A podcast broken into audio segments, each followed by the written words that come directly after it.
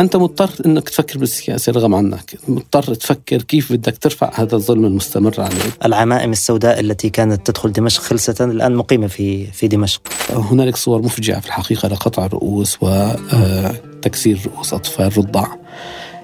كان هدف هذه المجازر هو أيضا الدفع باتجاه الطائفية. لماذا لم تظهر صوفية جهادية مثلا؟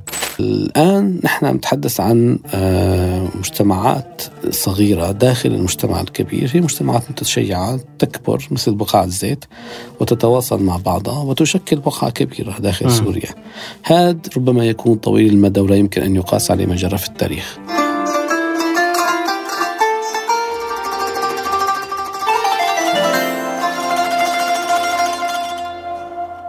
دكتور عبد الرحمن الحاج الأكاديمي والأستاذ الجامعي الباحث والخبير في حق الحركات الدينية وأيضا متخصص في الشأن السوري سياسي وعضو مؤسس في المجلس الوطني وكاتب وأشياء أخرى كثيرة سنكشفها في هذه الحلقة. أهلا وسهلا بك في فاصلة من قوطة. أهلا وسهلا فيك.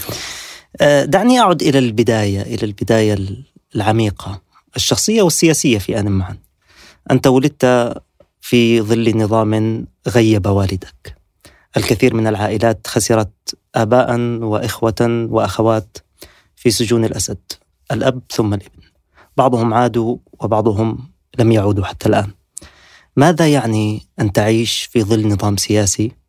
ترى صور الرئيس في الشوارع وفي الميادين وهو الذي غيب الأب في حياتك.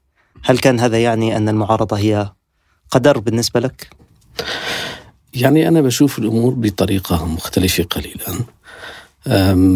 يعني موقعي ما ليس مكررا بالنسبة للسوريين لكن مكرر لعديد أمثالي. يعني الناس اللي اعتقل اعتقل والدهم أو اعتقل أحد أعضاء أسرتهم عانوا معاناة مختلفة.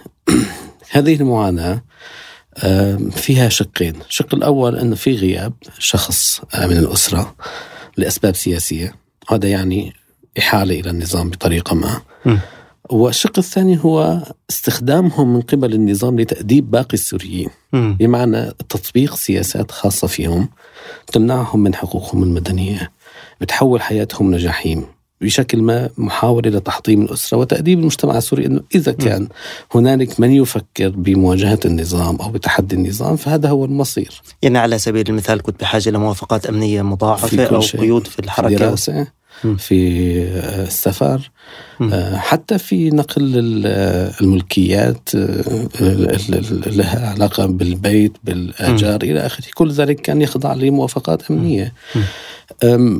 هذا بيخليك من جهة أولى أنه ربما كان لو كان قصة أنه آه آه والدك أو أو حدا من أقربائك هو مناضل سياسي تقول أنه آه ربما بعض الأفكار السياسية قد تتسرب لك لكن بالنسبة لي إلي تحولت السياسة لقضية قضية وجود يعني. م. السبب أنه أيضا أنا بظل المعاقبة المستمرة لي عن والدي.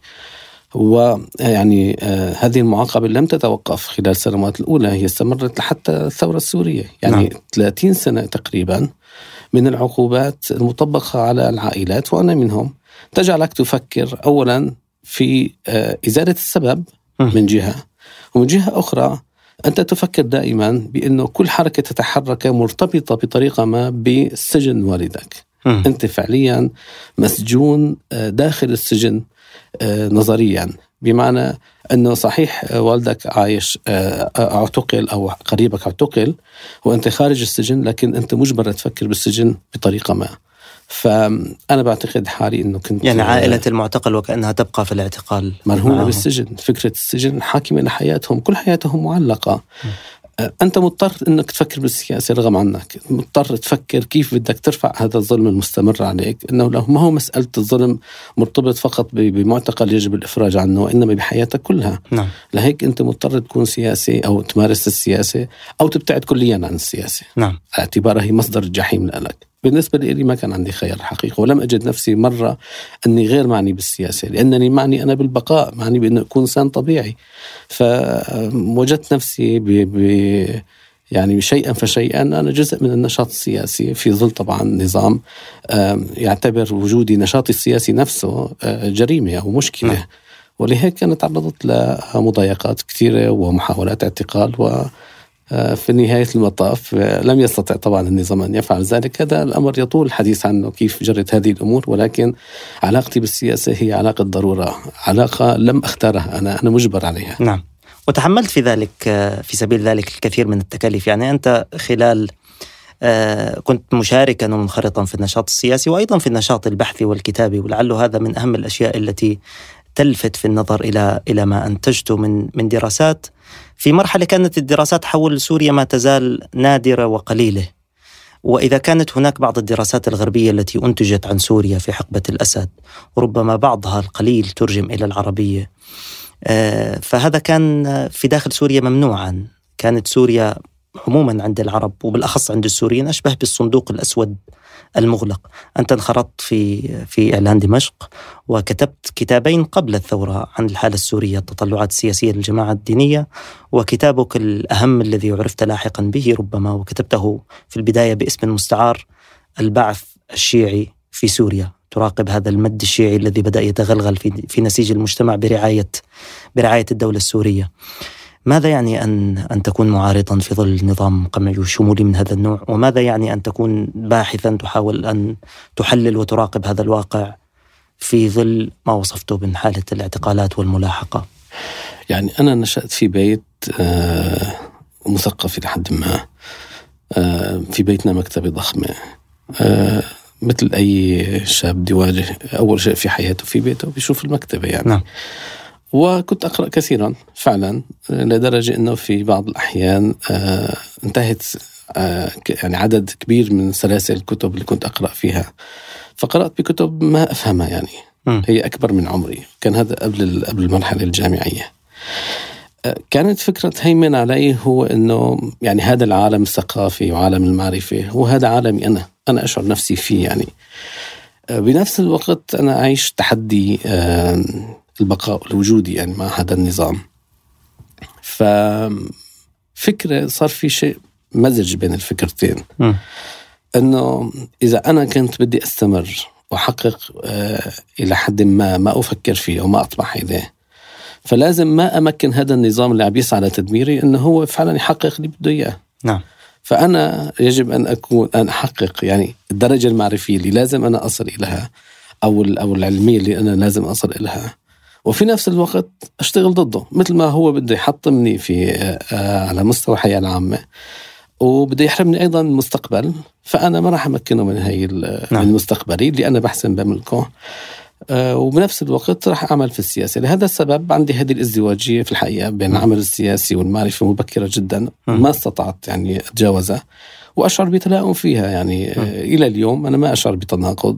نحن سبق علقنا أنه عندك كان كتابين في تحليل الواقع السوري اللي ذكرتهم وعندك كان الكتاب الخطاب السياسي في القرآن. يعني كأنه عامل ثلث بثلثين أنت ثلث حقل الفكر الإسلامي وكذا وثلثين سياسي واشتباك. هو صحيح طبيعة الفكر آه، طبيعة الفكر آه، مديد. يعني البحث العلمي آه، طبيعته مش مرتبطة بالواقع الراهن وسريعة. فاذا تنجز تنجز عمل في سنوات طويلة نعم. هذا شيء آه، مهم إذا كان رصين أما الواقع السياسي فمتحرك وسريع ويحتاج إلى عمل أكبر فطبيعي إنه يكون أكثر لكن أيضا صحيح هذا بيعكس إنه أنا همومي اليومية آه، مالي قادر آه، أتجاوزها اهتمامي السياسي يمكن عم يزداد لأنه الحقيقة في أربع سنوات أو خمس سنوات فقط بين أول كتاب وثاني كتاب نعم. فلا شك إنه في في عندي ثلثين هو باتجاه السياسة نعم طيب حدثني عن عن قصة البعث الشيعي في في سوريا، هذه قصة طبعا ما تزال راهنة وكبرت، لكن أنت انتبهت إلى إلى بداياتها وأرخت له. كيف بدأ رصدك لهذه الظاهرة؟ ما ملامح هذه الظاهرة؟ ما الذي تغير فيها الآن؟ أنا في الحقيقة قرأت الفكر الشيعي آه، الحديث في فترة تقريبا مبكرة من سنواتي الجامعية الأولى. ووصلت إلى قناعة أنه آه، الطريق يعني تحرر الفكر الشيعي من آه، من إرثه آه، طريق طويل. هنالك حتى مسافة زمنية بين ما كان يفكر فيه الإصلاحيين في الفكر الديني الإسلامي وبين ما يفكر فيه الإصلاحيين الشيعة. فصار عندي يعني تصور ما عن عن الفكر الشيعي كيف عم يشتغل وكنت مهتم إلى حد ما يعني بهي التطورات. ضمن رؤية يعني ضمن باحث يسعى لل ليس فقط لتوسيع معارفه ولكن يعني اللي بيمتلك عقل نقدي بطبيعة الحال بده يبحث عن منطق جديد في التفكير وربما يعني يكون عنده ميول للمدرسة الإصلاحية ويتطور لاحقا يعني. نعم. فكان عندي هذه الأفكار واهتممت اهتممت يعني بالفكر الشيعي من هذا الباب يعني الفكر الشيعي الحديث. ووصلت إلى قناعة إن الطريق إن الطريق يعني إن إصلاح حقيقي ديني داخل الفكر الشيعي أمر عسير جدا وشبه مستحيل. وبنفس الوقت يتزامن هذا الاهتمام مع ملاحظاتي على أرض الواقع، كنت أرى في في دمشق في مناطق قريبة من مكان سكني في دمشق القديمة. كنت أشوف تغيرات سريعة تحصل وبشكل خاص مقام السيدة رقية. كان مبنى صغير. فجأة أنا شفته في أول التسعينات بدأ يصير على شكل آه مقام بشكل سندباد يعني المسلسلات اللي إحنا بنشوفها القبة المذهبة وحتى داخله شيء أسطوري يعني أشكال الذهب أو المذهب لنقول و فكان منظر غريب جدا اولا عن المنطقة ومستحدث وما له أي تفسير إنه يظهر بهذا الشكل المفاجئ. في أيام قليلة أو عفوا سنوات قليلة صار الوضع إنه صار عندك سوق حول السيدة زينب صار في ناس تتحدث بالفارسية. هذا الكلام تاريخا بالتسعينات في التسعينات. آه يعني منتصف التسعينات أول التسعينات إلى منتصفها. فبعدها شعرت إنه الأمور آه تكبر يعني. م. إنه في شيء عم بيحصل آه صادفت في فترة معينة بعض بعض الناشطين المتشيعين في نهاية التسعينيات ودعوني للتشيع. آه وكانوا هن سوريين في الحقيقة بعرفهم يعني بشكل شخصي. هم كانوا سنة وتشيع نعم بعدها عرضت السفارة الإيرانية. كان في أنشطة تقوم فيها وكانت تعرف أن الأنشطة في سوريا ممنوعة في النشاط الثقافي. لكن كان في بعض الأنشطة هامش مسموح لها. حتى في كتب كانت تباع في السفارة غريبة يعني كتب أبو الأعلى المودودي مثلا. م. آه، ما كان في إمكانية لشراء مكان آخر. اللي بدي يعرف شو صار أو شو عم يفكر يعني مثقفين إسلاميين سابقين. ما بيقدر يحصل هذه الكتب إلا من هون نعم. أو بالتهريب. فكان آه، تستقطب نشاط في الحقيقة في تلك الفترة عدد كبير من الناس الناشطة أو الشباب الناشطين. وجه لي آه، مسؤول السفارة أو أو المركز الثقافي دعوة للذهاب إلى إيران والدراسة هناك م. فأنا بالأصل عندي موقف يعني من الفكر الشيعي فكانت هذه الملاحظة كجزء من ملاحظات أخرى لكن شعرت أن المسألة كبيرة يعني م. وزاد اهتمامي في تتبع كيف تجري هذه الأمور على الأرض شو عم بيصير يعني في السيدة زينب كمان صرت ألاحظ حضور شخصيات أو شيعة من مناطق أخرى انتشار حسينيات جديدة أنشطة لخليجيين شيعة أصبح لهم مواقع موجودة في السيدة زينب. كان عندي بعض أصدقاء منهم. فكل هذا يعني الحقيقة أثار اهتمامي لكن كنت أكتب على شكل ملاحظات نعم. وأتركها عندي. إلى أن يعني توفي الأب وبدأ فكرة بدأ موضوع الانتشار يتضاعف بعد في عهد في عهد بشار الاسد أو بدأ يظهر بشكل ملحوظ بعد 2003 م. بعد 2003 ظهر آه أنشطة مثلا ظهرت لأول مرة عنا في آه في دمشق آه آه شو اسمها لطميات نعم. في سوق الحميدية. صاروا في موكب. كان هذا صاعق يعني أول مرة بتحصل.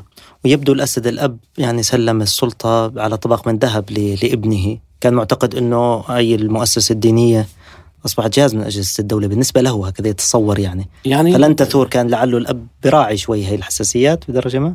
الأب كان يراعي بالطبع. الأب كان يعتقد إنه ممكن مقايضتهم ضبطهم ولكن مقايضتهم وما كان يفكر ابدا ان مؤسسة المؤسسة الدينية هي جزء من مؤسسات الدولة. نعم.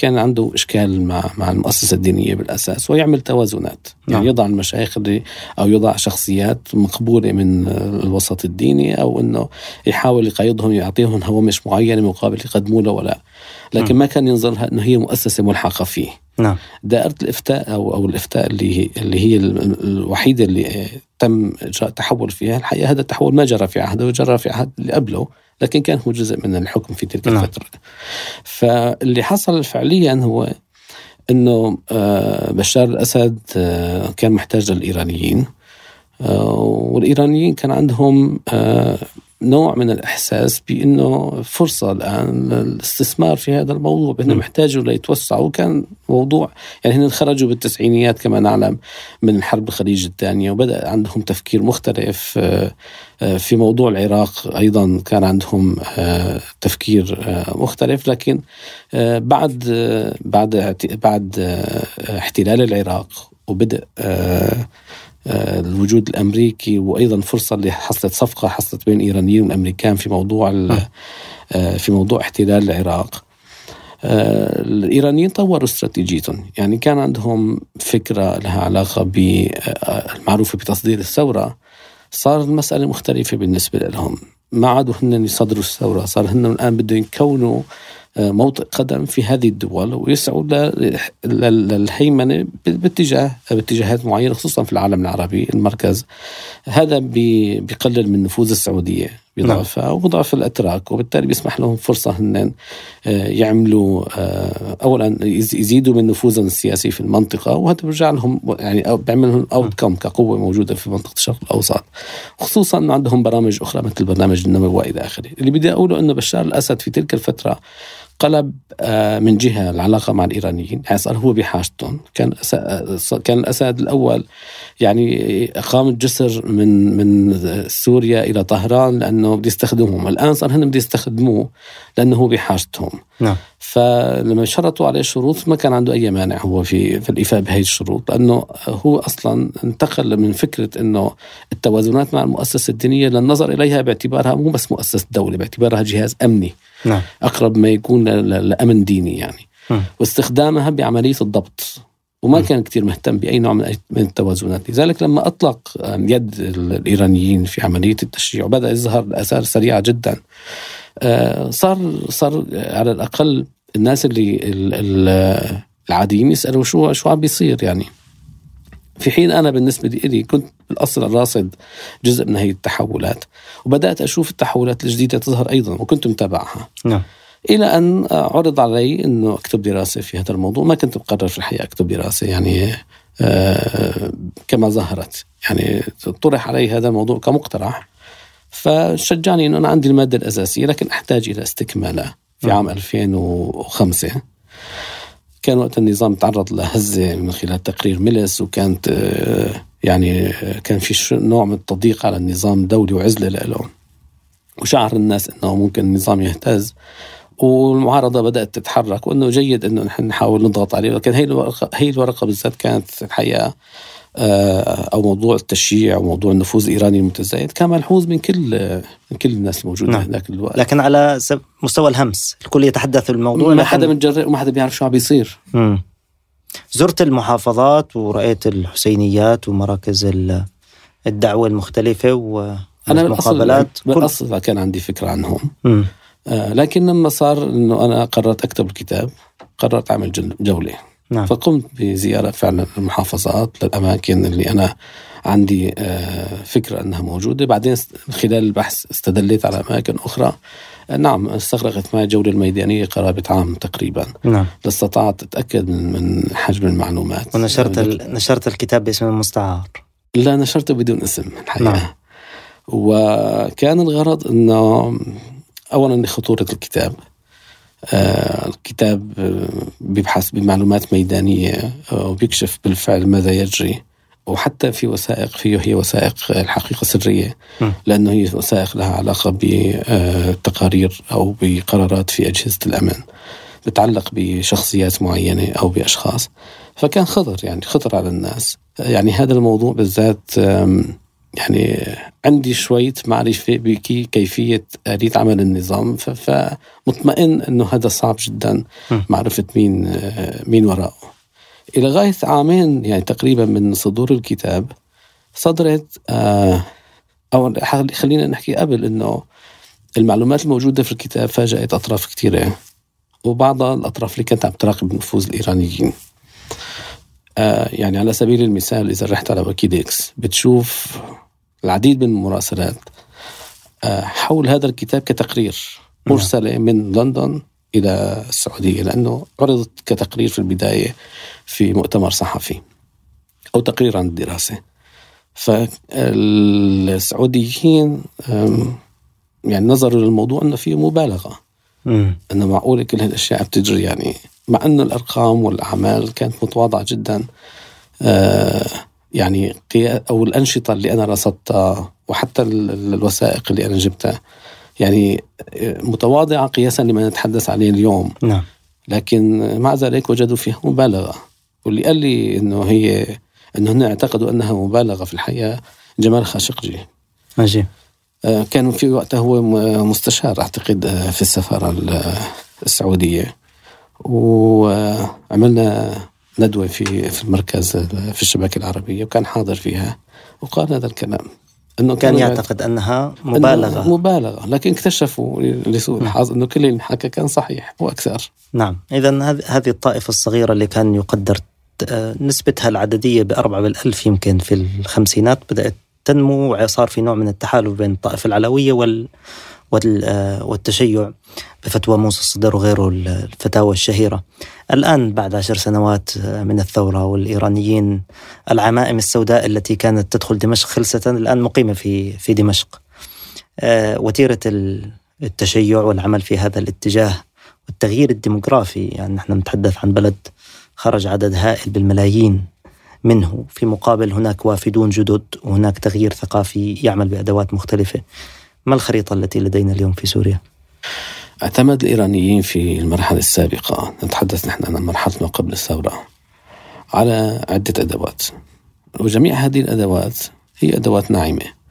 اعتمد على التعليم. آه، ولكن من خلال البعثات العلمية. يعني ياخذ ناس آه، سواء اتفاقية مع جامعة دمشق آه، أو يوفد ناس بشكل شخصي مباشر من خلال السفارة أو من خلال علاقات مع المراجع الدينية. أو حتى ناشطين مبشرين آه، بالتشييع فكان كان يعتمد على هي الآلية ولكن كلها كانت في إيران تتم. الأمر الثاني هو كان آه، هنالك نوع من آه، الشبكة الاقتصادية اللي اللي كانت موجودة واللي تمد المتشيع الجدد برواتب من أجل أنهم ينحازوا لل- للفكر الشيعي. وكانت أيضا هذه عبارة عن يعني تعمل بالخفاء ولكن كانت غير منظورة. بمعنى أنه كانوا يرغبوا أنه ما تظهر. وحتى أمنيا كانت يتم التغاضي عنها لكن بيعرفوها. نعم. اشتهرت كتير آه، قرية حطلة. بموضوع التشيع حسين الرجاء والأشخاص هدول.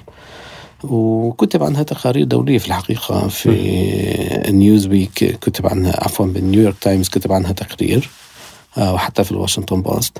ف يعني كانت ملحوظة بالنسبة للناس كلها. ولكن الشيء هو غير ملحوظ هو التعامل الأمني. واللي انكشف خلال الوثائق اللي أنا آه، نشرت آه، أجزاء منها نعم. في آه، في الدراسة والشيء الثاني هو أنه هن كانوا يعتمدوا على النفوذ الأمني من خلال توسيع آه، شطن الدينية يعني إيجاد مقرات. في أماكن معينة آه، مثلا إيجاد مقامات اختلاق مقامات آه، حسينيات أيضا في بعض الأماكن إذا كان في شيعي واحد أو في آه، نشاط شيعي ما فكانوا يعملوا حسينيات. نعم. بعض هذه الحسينيات تمول من قبل الإيرانيين بعضها تمول من جهات أخرى. المهم هذول النشاطين الأساسيين اللي كانوا هن يمارسوهم. وإذا أيضا تتبعت الخارطة الجغرافية بتشوف أنه هي الخريطة على على مسار الخط الدولي أو ال- ال- المعابر الدولية. من العراق إلى سوريا خصوصا معبرين جنوبيين. من العراق تقصد إلى لبنان. إلى العراق إلى لبنان إلى- للبحر المتوسط. نعم. اللي اللي هو صار متعارف عليه باسم الهلال الشيعي. يعني نعم. مد هذا الخط الواصل من العراق إيران. صحيح. نعم. ولكن عبر معبر محدد يعني بمعنى أنه انتشارهم ما كان بكل المحافظات بنفس الطريقة. مم. عندهم كان خطة وفي كثافة عمل على القبائل آه، لأنه هي هي على الخط ال- الأساسي. هلأ آه، في 2011 ومع الحاجة المتزايدة للنظام للإيرانيين بالاصل الحقيقة عرضوا الإيرانيين دخول ليس النظام يعني مم. حسب ما ما نشر حسين همداني في في مذكراته. وكيف هن آه، جاءوا بوصية من آه، خامنئي بأنه هو قالوا له أنه النظام رفض آه، وإنه هن ما بدهم يعني هي نوع المساعدات. فقال لهم إذا رفض فهو مثل المريض أجبروه على الدواء. حسب النص اللي, اللي ناقله هو. قرر قرروا إنه يتدخلوا وضعوا خطة. وكان في هذه الخطة حسن نصر الله هو المسؤول الفعلي باعتباره النائب أو الممثل لل المرشد الأعلى. المرشد على الثورة الإيرانية. بيعمل تحت أمرته آه، سليماني وأيضا بيعمل تحت أمرته بشكل مباشر في المنطقة طبعا. يعني قائد الحرس الثوري وأيضا أو قائد فيلق القدس الحرس الثوري وأيضا حسين همزاني اللي هو مسؤول العمليات في سوريا. نعم. هو الشخص المجند طبعا بالعمليات مسؤول مباشر عن سوريا فقط يعني في العمليات العسكرية.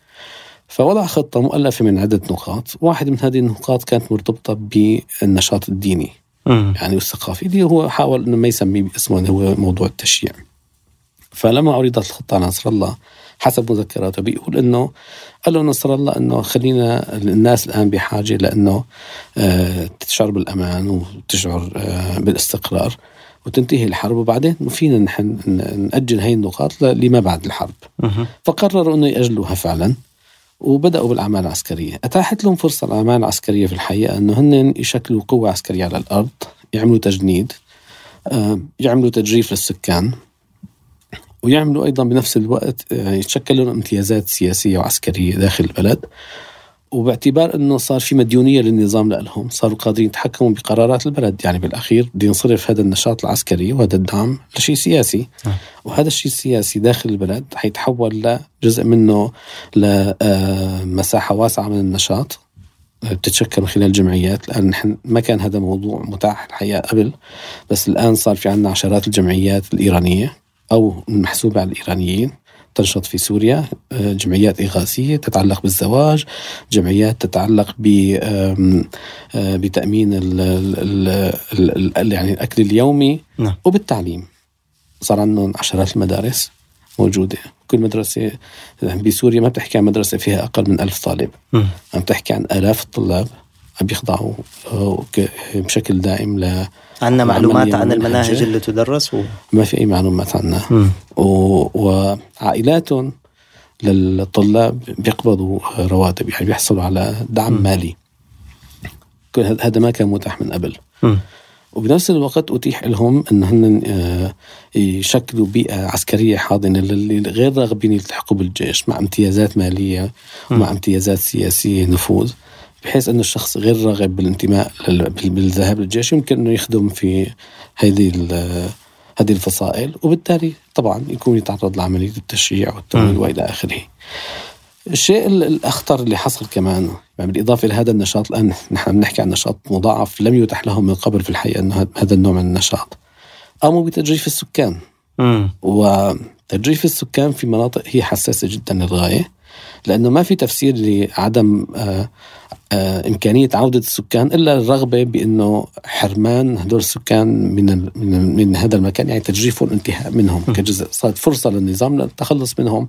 ليس فقط بوصفهم أعداء بس هنالك أيضا آه، بالنسبة لل للأطراف الأخرى يعني للايرانيين هنالك فائدة مرتجى في في مناطق هي قريبة من آه، من العاصمة طوق أمني يعني حول العاصمة. أشبه من طوق بالطوق الأمني.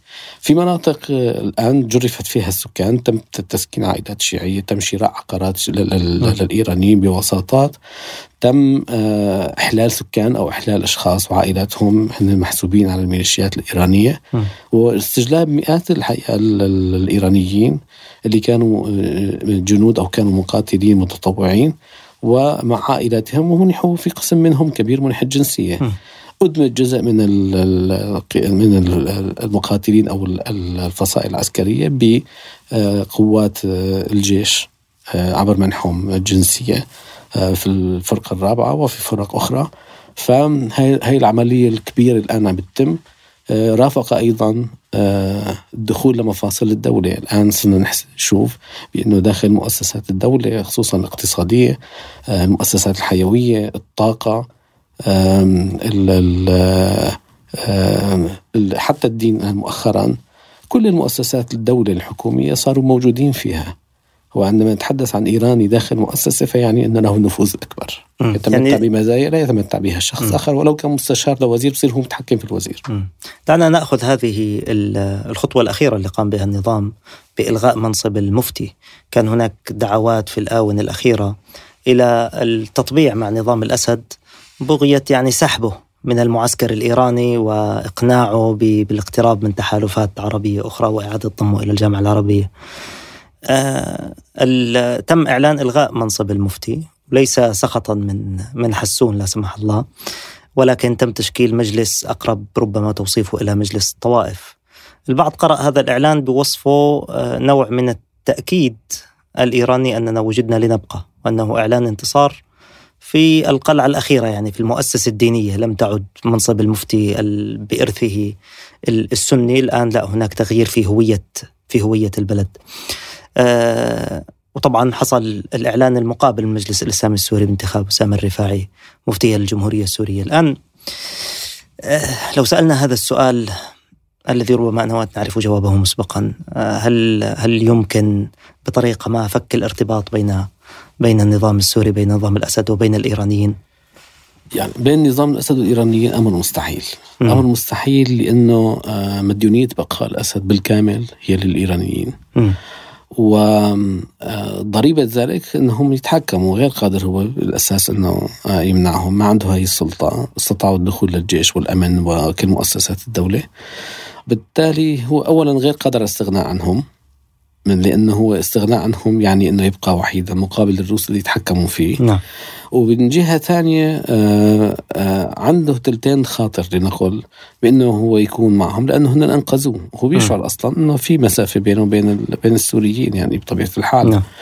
آه إن عودة الثورة السورية أو عودة المجتمع للتحدي مرة أخرى هذا أمر قائم م. قائم جدا إضافة لأنه هو بيبتز المجتمع الدولي والمنطقة العربية بالعلاقة بالإيرانيين م. فهو بالنسبة له مثل الإسرائيليين العلاقة مع أو وجود الإيراني هو آه، ورقة ابتزاز لجميع الأطراف. آه، سابقا استخدمها أبوه من أجل آه، دفع السعودية ودول الخليج لتمويل النظام ودفع يعني تقديم استخدمها تقصد من خلال بناء علاقات مع الجماعات الإسلامية في البلدان المختلفة ولا؟ لا لا هو بنى علاقة مع الإيرانيين نعم. في الوقت كلهم كانوا يدعموا آه، صدام حسين. أي نعم. ومن خلال هذا العلاقة أنه كان ممكن يزيد العلاقة معهم إلى آخره. من خلال هذه العلاقة كان يبتزهم للحفاظ على العروبة السورية يدفعوا له فلوس. نعم. وكان هذا هذه المبالغ تأتي. وطبعا ذكر كثير من من تفاصيل آه، بات باتريك سيل في كتابه. كيف هو كان يروح على السعودية وكان ياخذوا ورقة وقلم وعند في نفس الوقت يقعدوا يحسبوا بياخذوا فلوس وإلى آخر هذا الكلام. م. كانت السعودية دائما تقدم آه، آه، تقدم لسوريا آه، ما نقول قروض أقرب للعطايا في الحقيقة كانت تقدم أو للنظام الأسد. وكان هذا يستخدم هو دائما نفس الوقت هو يبتز فيه العراقيين وهكذا. م. فبالنسبة له ورقة مربحة الابتزاز بالإيرانيين وإن كان كان يخاف منها يعني إلى حد ما. بشار أسد عنده نفس الشعور. بالأخير مثل إسرائيل إسرائيل شافت إنه الوجود الإيراني في سوريا خطير. آه، إذا تجاوز حدود معينة. ومفيد إذا بقي في حدود الدنيا بحيث أنه هو دفع جميع الأطراف العربية لإقامة تحالف معها ضد الإيرانيين. إذا ما كان هذا الوجود الإيراني موجود فما في فائدة ما في شيء يضغط عليهم. بشار تقصد أن الإسرائيليين مستفيدين من هذا الوجود الإيراني حتماً. لبناء تحالف عربي إسرائيلي حتما. في مواجهته. لذلك هم لا يتحدثون عن عودة الإيرانيين 20 كيلومتر 80 كيلومتر إلى آخره لكن ما بيتحدثوا عن خروج الإيرانيين هنا. أيوة. يتحدثوا عن إبعادهم عن الحدود. م. خروج الإيرانيين حتى العسكري هذا مو خروج لأنه الإيرانيين دخلوا في مفاصل الدولة. م. وجزء منهم أصبحوا في الجيش وقيادات عسكرية. وجزء منهم أصبحوا في آه، الفرقة الرابعة اللي تعتبر هي الفرقة الضاربة في النظام م. لا يمكن النظر للموضوع هو على أنه هو أمر عسكري م. الآن هن دخلوا في عمق المجتمع دخلوا في عمق الدولة والتخلص منهم ليس سهلا ما دام هذا النظام م. قائم الطريقة الوحيدة لإخراج الإيرانيين هو إسقاط النظام أو تغيير م. النظام م. هذا النظام مستفيد منهم آه عنده مديونية لهم آه ما عنده خيارات أخرى غير إنه يبقى معهم وهن نفس الوقت آه مستفيدين وما عندهم آه، رغبة أبدا بإحداث تغيير في هذا الموضوع الأموال اللي هن بيقدموا لها الخليج مهما قدمت لهم أموال الخليج ليس ضامنا للنظام. الضامن الوحيد هو الإيرانيين لهيك والروس إيش موقعهم من هذه المعادلة؟ الروس بيعتقدوا آه، وبعتقد يعني آه، على الأقل كما تكشف في السنوات الأخيرة أن قدرتهم على للضغط على النظام محدودة. هن قادرين يضغطوا على النظام لأنه هن الغطاء الدولي له نعم. لكن في النهاية هي قدرة محدودة ففي هوامش معينة بيقدروا يتحركوا فيها ما بيقدر النظام أنه يواجههم لكن النظام كلما تعرض للضغط الروسي بيذهب للإيرانيين من أجل يخفف هذا النوع من التوازن آه، وبعمل هذا النوع من التوازن من أجل مصالحه طبعا مصالحه عادة بتصب بمصالح الإيرانيين أو غالبا بتصب بمصالح م. الإيرانيين فعم بيلعب على هذا التناقض المحدود بيناتهم. لكن لا الروس بصدد آه يعني فرض آه، شيء غير قادرين عليه ولا عندهم الرغبة أصلا م. ولا الإيرانيين بصدد التصادم مع الروس لأنه مصالحهم هو البقاء آه، خارج هذا التصادم لهيك ما ما بيحصل نوع من التصادم بيناتهم إنما يمكن القول أنه النفوذ الروسي هو أك- أكيد أقل من النفوذ الإيراني وأنه آه، في الأخير اللعب على آه، على الطرفين على على الروس بشكل تحديد تحديدا أكثر من خلال العلاقة مع الإيرانيين فعال وحصل النظام منه مكاسب ملحوظة. طيب دكتور عبد الرحمن في تقديرك هذه الحالة التي رصدتها حالة التشيع والتشييع آه، هل نملك اليوم تقديرا لأعداد هذه الحالة لمدى نفوذها وبالتالي هل نستطيع أن نفكر ماذا تعني هذه الحالة في المستقبل؟ لجهة الناس اللي آه، أصبحوا شيعه أو اللي آه، تم استجلابهم استبدال استبدال السكان بهم سواء كانوا عراقيين أو آه، لبنانيين أو آه، من دول الخليج أو من أفغانستان. آه، في الحقيقة هنالك عدد كبير يصعب تقديره ولكن يمكن القول أنه بمئات الآلاف. آه، لأنه هن وعائلاتهم آه، ونحن بنحكي عن عمليات آه، يعني آه، آه، توطين مستمرة ليست نعم. متوقفة. يعني هذا الحكي بيبدأ من 2016 لليوم. نعم. آه، الرقم الدقيق صعب جدا الآن آه، ضبطه لكن آه، يعني السجلات آه، المدنية يمكن العثور عليها ويمكن الوصول لأرقام محددة الشيء الثاني هو أنه الأشخاص اللي عم يتعرضوا الآن لعمليات تشييع ممنهجة سواء عبر آه، الفصائل العسكرية. التابعة لإيران أو عبر آه، الخضوع لتأثير المؤسسات المدنية مثل آه، التعليم. آه، هنالك عشرات المدارس آه، هنالك جامعات أيضا آه، هنالك آه، جمعيات للتزويج. هنالك جمعيات إغاثية هناك جمعيات ثقافية أيضا. كل هذه الجمعيات وهي عشرات الجمعيات تنشط في سوريا من الشمال إلى الجنوب ومن الشرق إلى الغرب. آه، يخضع لتأثير هذه الجمعيات من الناس المستهدفين للتشييع عشرات الآلاف و يعني تقديريا بين 50 إلى إلى 100 ألف يعني سنويا يخضع لهذه العملية. إذا نحن إذا كنا أخذنا المدارس لوحدها وهي أكثر من 20 مدرسة. نعم. آه، وخصوصا في شرق آه، سوريا. هنشوف انه عدد يعني يعني في أي مدرسة تقريبا عدد الطلاب بيكونوا تقريبا شي 1000 طالب إلى 1500 أحيانا أكثر. نعم.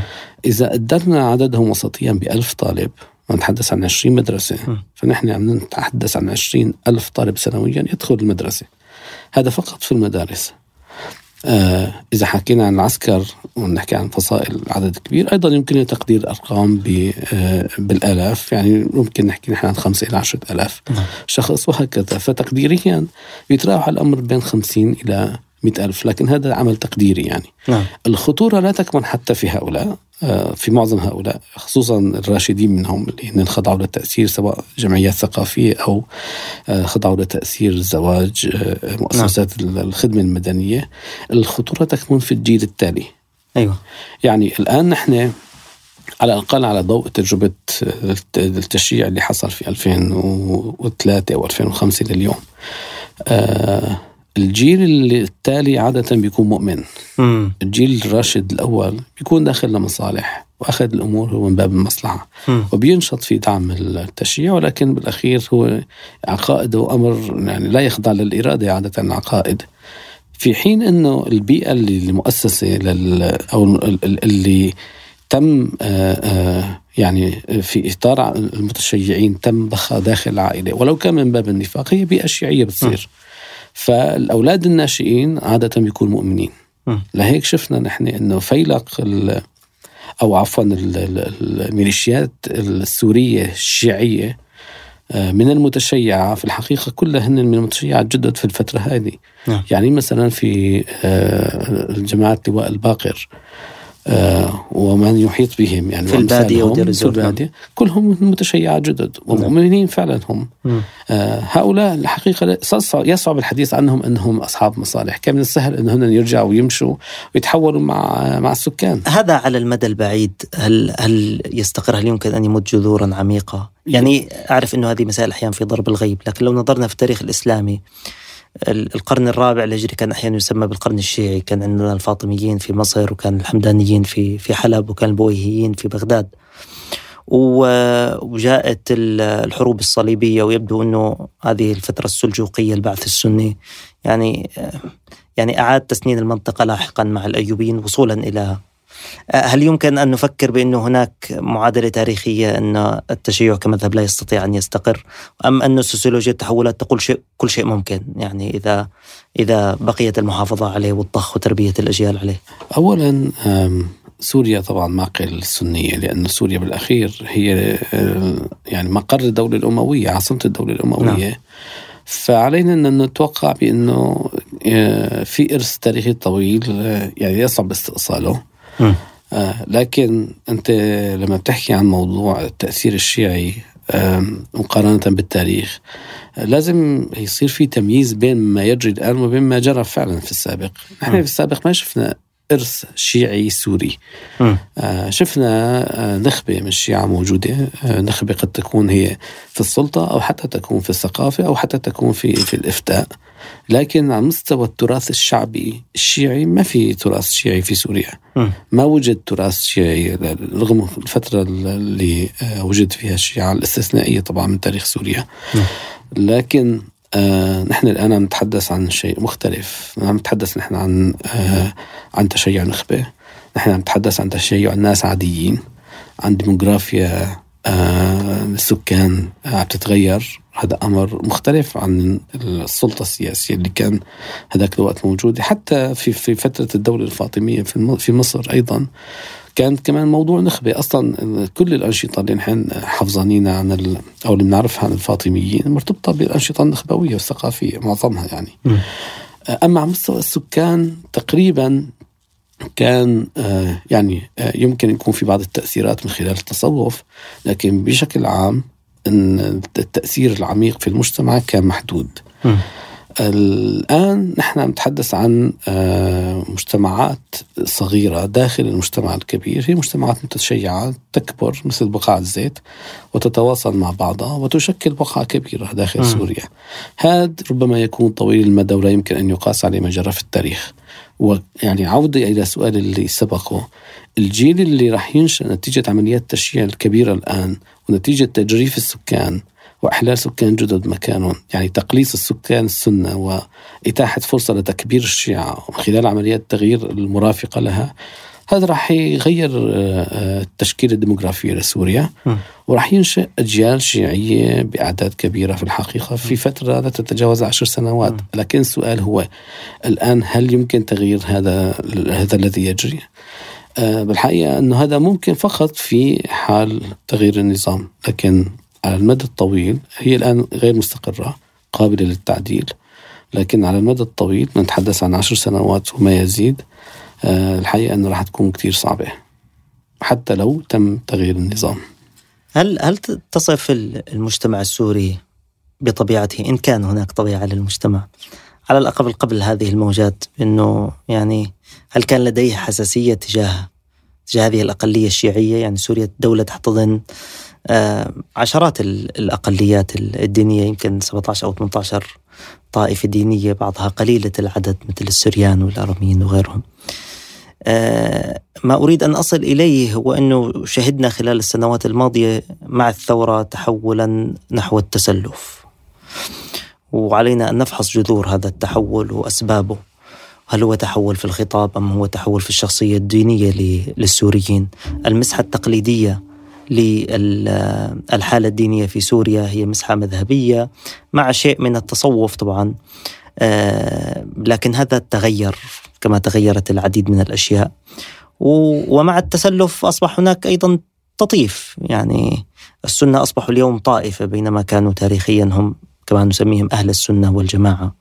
شيء واسع ليس له حدود طائفية واضحة. اليوم أصبحوا طائفة وأصبحت المعركة الطائفية أحيانا انحرافا عن المعركة الأساسية التي كانت في صلبها معركة ضد الاستبداد آه، هل كان لطائفية النظام دور في جعل السلفية هي الخيار الجذاب والمقنع لأنها تستطيع أن تتخذ يعني مواجهة طائفية مع مع هذا المشروع الذي أصبح بالتالي مشروع نصيري شيعي؟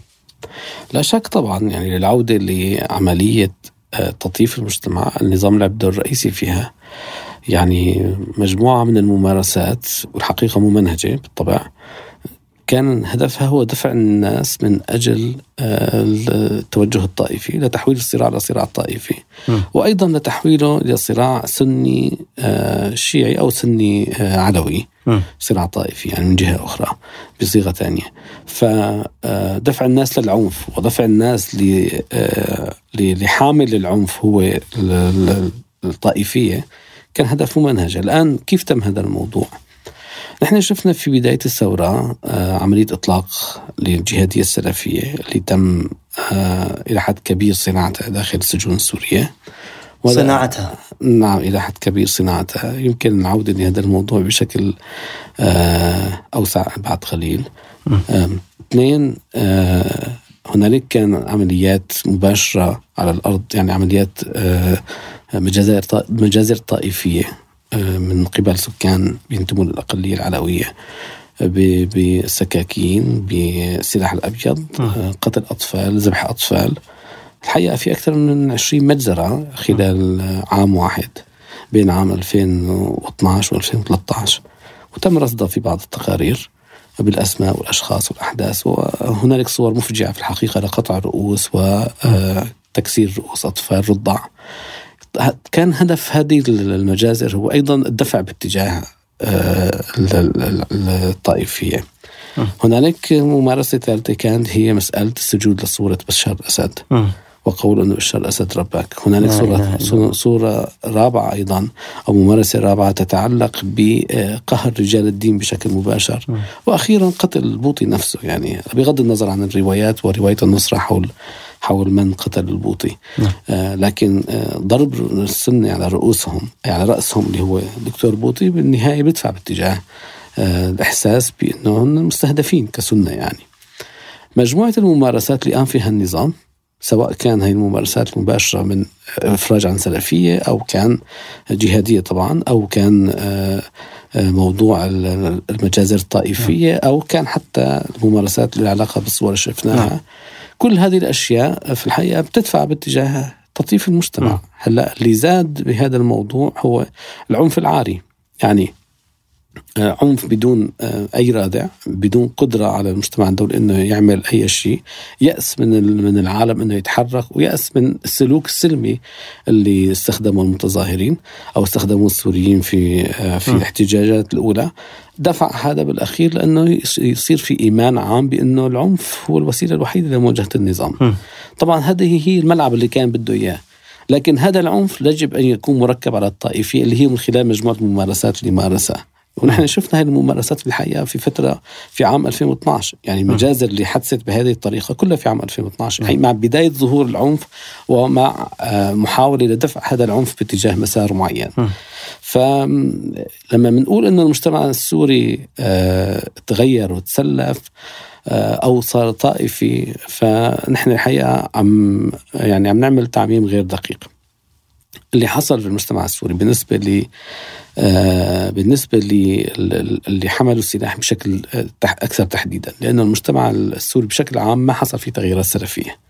التغييرات اللي ظهرت وظهور خطاب سلفي مرتبط بالحركات أو بالتنظيمات والفصائل العسكرية وليس مرتبطا بالمجتمع السوري. نحن ما شهدنا خطاب سلفي سوري بشكل عام. آه، سبب نشوء الخطاب السلفي أو أو على الأقل لنقل إنه الأفكار السلفية وهذا أدق. وخصوصا من الشباب اللي هن نشأوا في يعني خارج التنظيمات الجهادية لم ما كان عندهم أي نوع من الارتباط فيهم. فصائل الجيش الحر في عام 2013 تقريبا كلها اتجهت باتجاه خطاب سلفي. لكن هذا السلفي ما هو سلفي جهادي. يعني فيه بعض المسائل المرتبطة بالجهاد ورفع قيمة التضحية لأنه هذا هو الطريقة الوحيدة لمواجهة العنف. آه أنت بتصلب العقائد يعني طبعا قد يكون هذا غير ملحوظ يعني أو غير, غير يعني عمل غير إرادي. لكن بصير في ميل للعقائد الصلبة والنهائية والقطعية لتلعب دور في منح مشروعية للتضحية وإرضاء للنفس أن هي تضحية لها معنى. نعم. أحيانا حتى بتتحول التضحية نفسها إلى هدف ليكون لما يجري له معنى. هذا حصل هذا التحول لكن تبين لاحقا أن هذا التحول ما هو تحول عميق يعني. هو تحول ظاهري تراجع بسرعة فائقة. يعني في عام 2014 نحن شهدنا انحسار كتير كبير للجهادية السلفية مع انحسار تنظيم آه، تنظيم الدولة آه، تنظيم دولة الإسلام والعراق آه، من من شمال سوريا باتجاه مناطق الشرقية ومع أيضا تراجع مناطق اللي كانت مسيطرة عليها النصرة في ذلك الوقت. تراجع وجود الأجانب صعود مرة أخرى للجيش الحر وتخلص من أفكار كثيرة من اللي كانوا الآن اللي هاجموا النصرة في تلك الفترة. تبنوا كان خطاب سلفي في بعض الأحيان لكن كله تغير. ومع الوقت نحن شهدنا تراجع ما بين 2014 و 2016 لجميع الفصائل عن الخطاب السلفي. وصار الخطاب الشائع هو خطاب الثورة ورفع علم الثورة في كل الفصائل.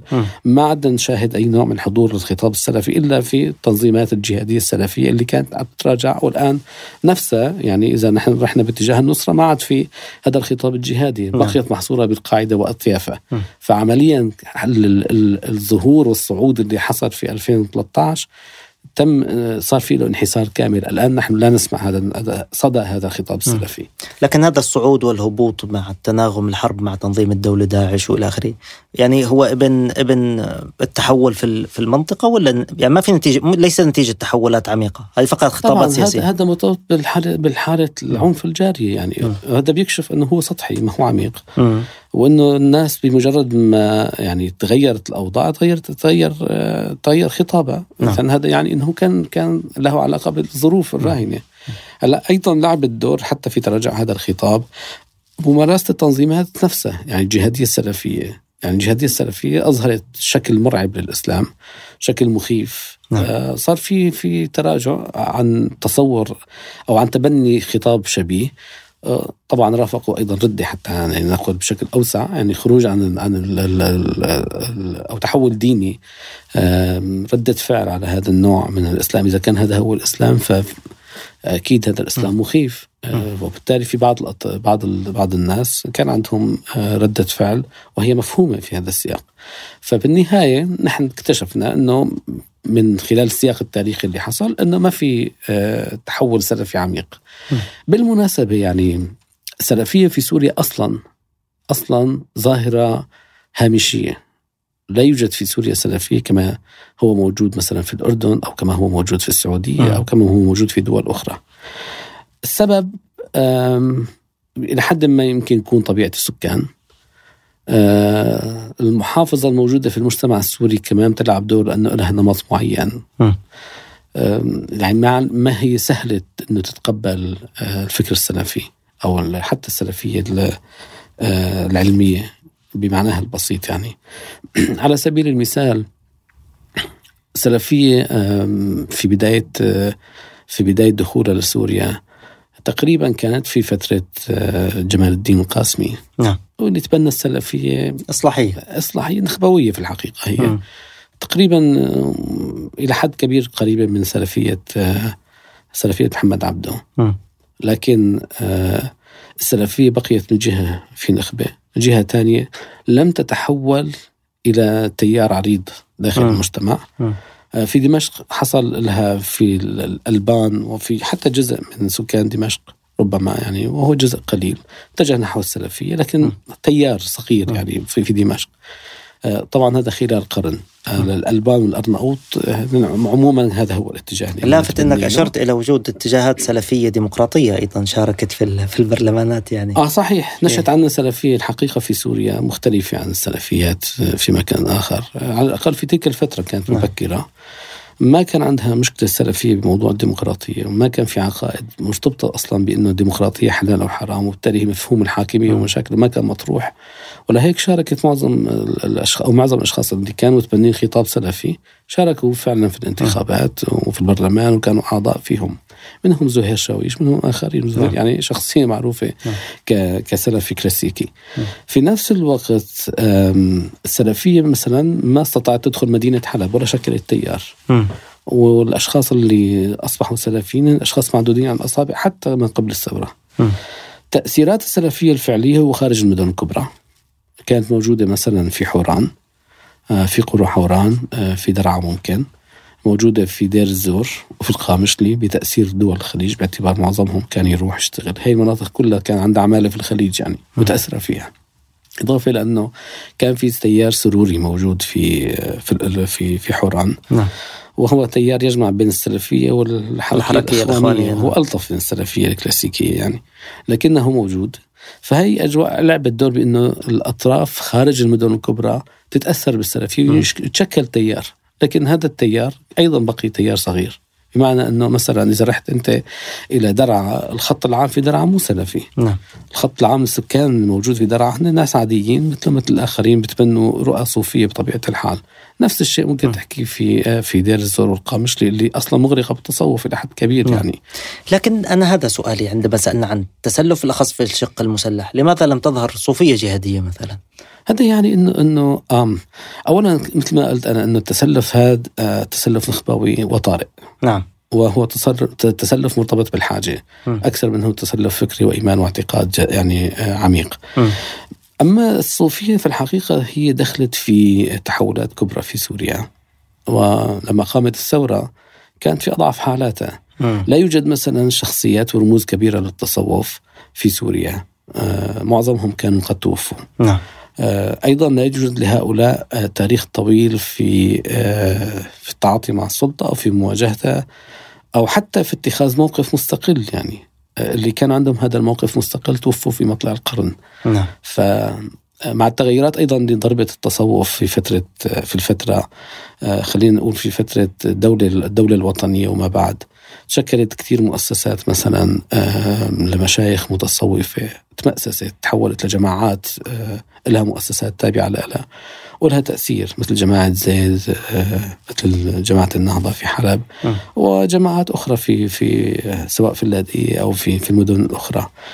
في الحقيقة أنه هذه المأسسة أيضا لعبت دور في في في إضعاف التصوف.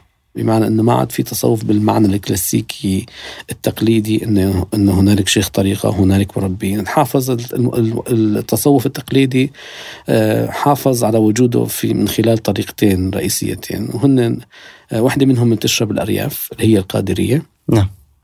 أو الرفاعية الرفاعية نعم. والأخرى هي منتشره في المدن لكن محدوده مثل الشاذليه ون... يعني هي خط ضعيف داخل المدن موجودة كان لها شيخ وشيخ كان كبير جدا بالسن. كلاهما أخذ مسافة من السلطة المطلقة. آه، حافظ على التصوف على اعتبار أنه لا, لا علاقة له لا في الموقف م. السياسي ولا في الوطني وإلى آخره. وهذا حقيقة منسجم مع منطق التصوف اللي هو هدفه الفرد يعني ما هدفه الجماعة. م. ما بيعمل على تغيير جماعة الا من خلال الفرد. ف اولا التصوف الجهادي آه، ما له إرث في سوريا. كل كل حالة الثمانينات ألم تكن يعني آه يعني باستثناء الحدث اللي اللي الحقيقة في فترة م. يعني ما له ما له تاريخ بمعنى إنه ما له تاريخ قيادات آه، متصوفة كانت هي قيادات آه، آه، مقاتلة ضد حتى ضد الاستعمار رغم إنه مثلا الرفاعيه في شمال سوريا قدمت لل ولعبت دور رئيسي الحقيقة في تمويل وأيضا في توفير المقاتلين ضد الفرنسيين في الشمال. م. وأيضا في في سنة 80 آه، كانت مثلا في حلب كان شيخ الطريقة أو أو أحد آه، شيوخ الطريقة في حلب هو قائد مجموعة وهي كانت الحقيقة محسوبة عن الإخوان أو قريبة من الإخوان م. ودخلت في صراع مع النظام بشكل مباشر م. آه، وهذا كله أضعف طبعا من من حضور الجماعات من جهة. مثل جماعة زيد كانت جماعات آه، آه، نسيت اسم اسم الجامع بس يعني كانت الجماعة في حلب مثل جماعة زيد نعم. وتم إنهاء في الحقيقة. نعم. وحكم على أعضاء كثير منها بالإعدام داخل نعم. السجن بينهم أطفال. بعدين يعني ربما بسبب ما بعضهم نجا منهم محمد برو مثلا. نعم. فالطرق الطرق الصوفية أولا آه، في مرحلة أولى ما كان عندها قيادات آه، دخلت في مواجهة عسكرية سابقة ولو كانت ضد المحتل الخارجي. آه، اثنين في المرحلة التالية في الثمانينات يعني تم القضاء على بعض رموزها وانتهت بانه هي أصبحت ضعيفة. يعني صار في كنترول حتى على التصوف على الحركات والطرق الصوفية بشكل كتير كبير من قبل النظام نعم. بحيث إنه هنالك دائما حضور أمني إلى آخره. نعم. تفاصيل يعني الشيخ نعم. الطريقة نفسه بيكون دائما رايح وجاي على فرع المخابرات. الشيء الثالث هو الرئيسي إنه المجتمع نفسه دخل في تحول كتير كبير أضعف مم. الطرق الصوفية. يعني لم نعد نرى الأتباع اللي ممكن نشوفهم مثلا نحن في التسعينيات. في التسعينيات اللي هي كانت فترة قريبة يعني 30 سنة. قريبة جدا. ما بتشوفهم أبدا الموجودين نفسهم مثلا أو بنفس الأعداد أو في بنفس 2010 مثلا. على الإطلاق. ما في مم. أي أي نسبة بقيت أقلية. دخول. التلفزيون ال- الإنترنت هي هي المسائل يعني؟ آه، مو فقط هذه المسائل. آه، آه، اهتمامات الناس نظرتها للعالم تغيرت. يعني في شيء في شيء بيتعلق بنظرة الجيل. نحن ما بنحسن نحكي عن تصورات ثابتة للبشر. يعني كده كل فترة كيف تصوروا العالم؟ م. كيف تصوروا حالهم؟ كيف تصوروا مستقبلهم؟ الصلة في العالم اختلفت يعني قد يكون النت هو جزء منها يعني لكن أيضا صار في فضائيات صار في م. وعي ثقافي مختلف حتى في سوريا حصل تغ- تغيرات ما بين فترة الثمانينات والتسعينيات اللي هي انعكست في بقانون الاستثمار مم. آه، رقم تسعة وبعدها تغيرت آه، يعني شو صار في نوع من الانفتاح البسيط نعم. صار في إمكانية الاطلاع على العالم كيف يفكر وهذا بطبيعة الحال نقل اهتمامات الشباب يعني لمرحلة أخرى. آه، انسداد أفق الحياة السياسية بيجعل الناس بتفكر بطريقة ثانية نحن في دراسة أجريناها في الحقيقة في سنة 2000 و آه، 2002 تقريبا آه، على طلاب في جامعة حلب. 96% بدهم يهاجروا مثلا. فأنت الآن عندك آه، يعني عندك تحولات في المجتمع لازم تأخذها في. الاعتبار.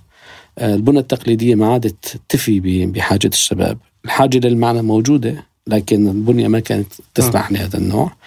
إضافة لأنه آم، إيه، ما عاد في قيادات أو ما عاد في شيوخ طرق معتبرين. آه، يمكن الاستناد أنه الصراع الطرقي صار على اتباع على أتباع قلائل صار في صراع نعم. طرقي بين الشيخ الورث الشيخ الثاني وهكذا. صار في صراع داخل سوريا معروف خصوصا بالطرق التقليديه نعم. فهذا كله اضعف دور الطرق التقليديه وخلاها ما لها دور. لما صار في ثورة سورية كانوا في اسوء أوضاعهم. مم.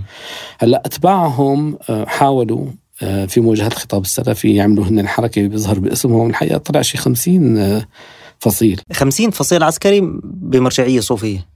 نعم هو 50 أكثر من 50 في الحقيقة مم. ولكن آه، يعني أعلن عنها على أنها ذات مرجعية صوفية حتى أسماء الفصائل مم. واضح جدا إنه هي أسماء مستمدة من التراث الصوفي ولكن فعليا آه، ما كان في تصوف طرقي آه، لهيك هي كان في الأغلب تتشابه إلى حد كبير مع الفصائل الاخرى لأنه أيضا معظم الفصائل هي محافظة وترجع إلى الإسلام الشعبي والإسلام الشعبي الصوفي فلهيك ما كان في تميز خاص فيها ومع الوقت تقريبا اندمجت مع الفصائل الأخرى وخصوصا معظمها اندمج في الجبهة الشامية الجبهة مثلا الشامية، نعم. وأيضا في بعض الفصائل الأخرى في أماكن أخرى طيب جزء من هذا التحول. جزء من هذا التحولات كما تقول ليست تحولات عميقة. قد تصعد على مستوى الخطاب لكن الأشخاص لا يتبنوها على مستويات عقدية أو سلوكية أو فقهية. لكنك رصدت تحول يبدو أنه آه، يستحق الالتفات. وكتبت بحثا حول تحولات التدين عند الشباب البحث عن السلام الداخلي هذه السنوات القاسية واللي شهدت آلام مريرة وفقدان وأيضا يعني فلنسميه هزيمة سياسية أو شيء من هذا إحباط أقل ما يقال عنه. ما الذي تركه من من تحول في في هذا المجتمع الذي أيضا هاجر إلى بلدان أخرى وانخرط في مجتمعات مختلفة؟ بموازاة آه، التحولات اللي ارتبطت آه، بشكل عام واللي طغت على الصورة المرتبطة بالفصائل نعم. والخطاب الخاص بحركات أو بالتنظيمات العسكرية. كان في تحول بطبيعة الحال بيجري في المجتمع. آه، لكن هذا التحول آه، يعني يمكن رسم أو ممكن رصد آه، بعض معالمه لأنه من الصعب جدا التنبؤ في مآلاته. آه، وأيضا يمكن فهم أسبابه. آه، جزء من هذا التحول مرتبط بالخبرة السيئة مع التنظيمات الإسلامية. نعم. آه، عمليات الجلد وعمليات آه، آه، آه، يعني تطبيق الشريعة بمنظورهم الخاص أو حتى بالخبرة الشخصية معهم. بل وقتال الفصائل الجيش الحر اللي كانت تقاتل النظام. و... آه، واستباحة الدماء واستسهال استسهال أموال الناس وأعراضهم آه، يعني بدون وجود ضابط وقانون وحرمة للناس. طبعا هذا كان سبب كثير كبير لإعادة التفكير في الإسلام نفسه. هل هو هذا هو الإسلام نفسه؟ لا كان هذا سؤال كثير كبير. آه والإجابة عنه ليست سهلة بالنسبة للناس.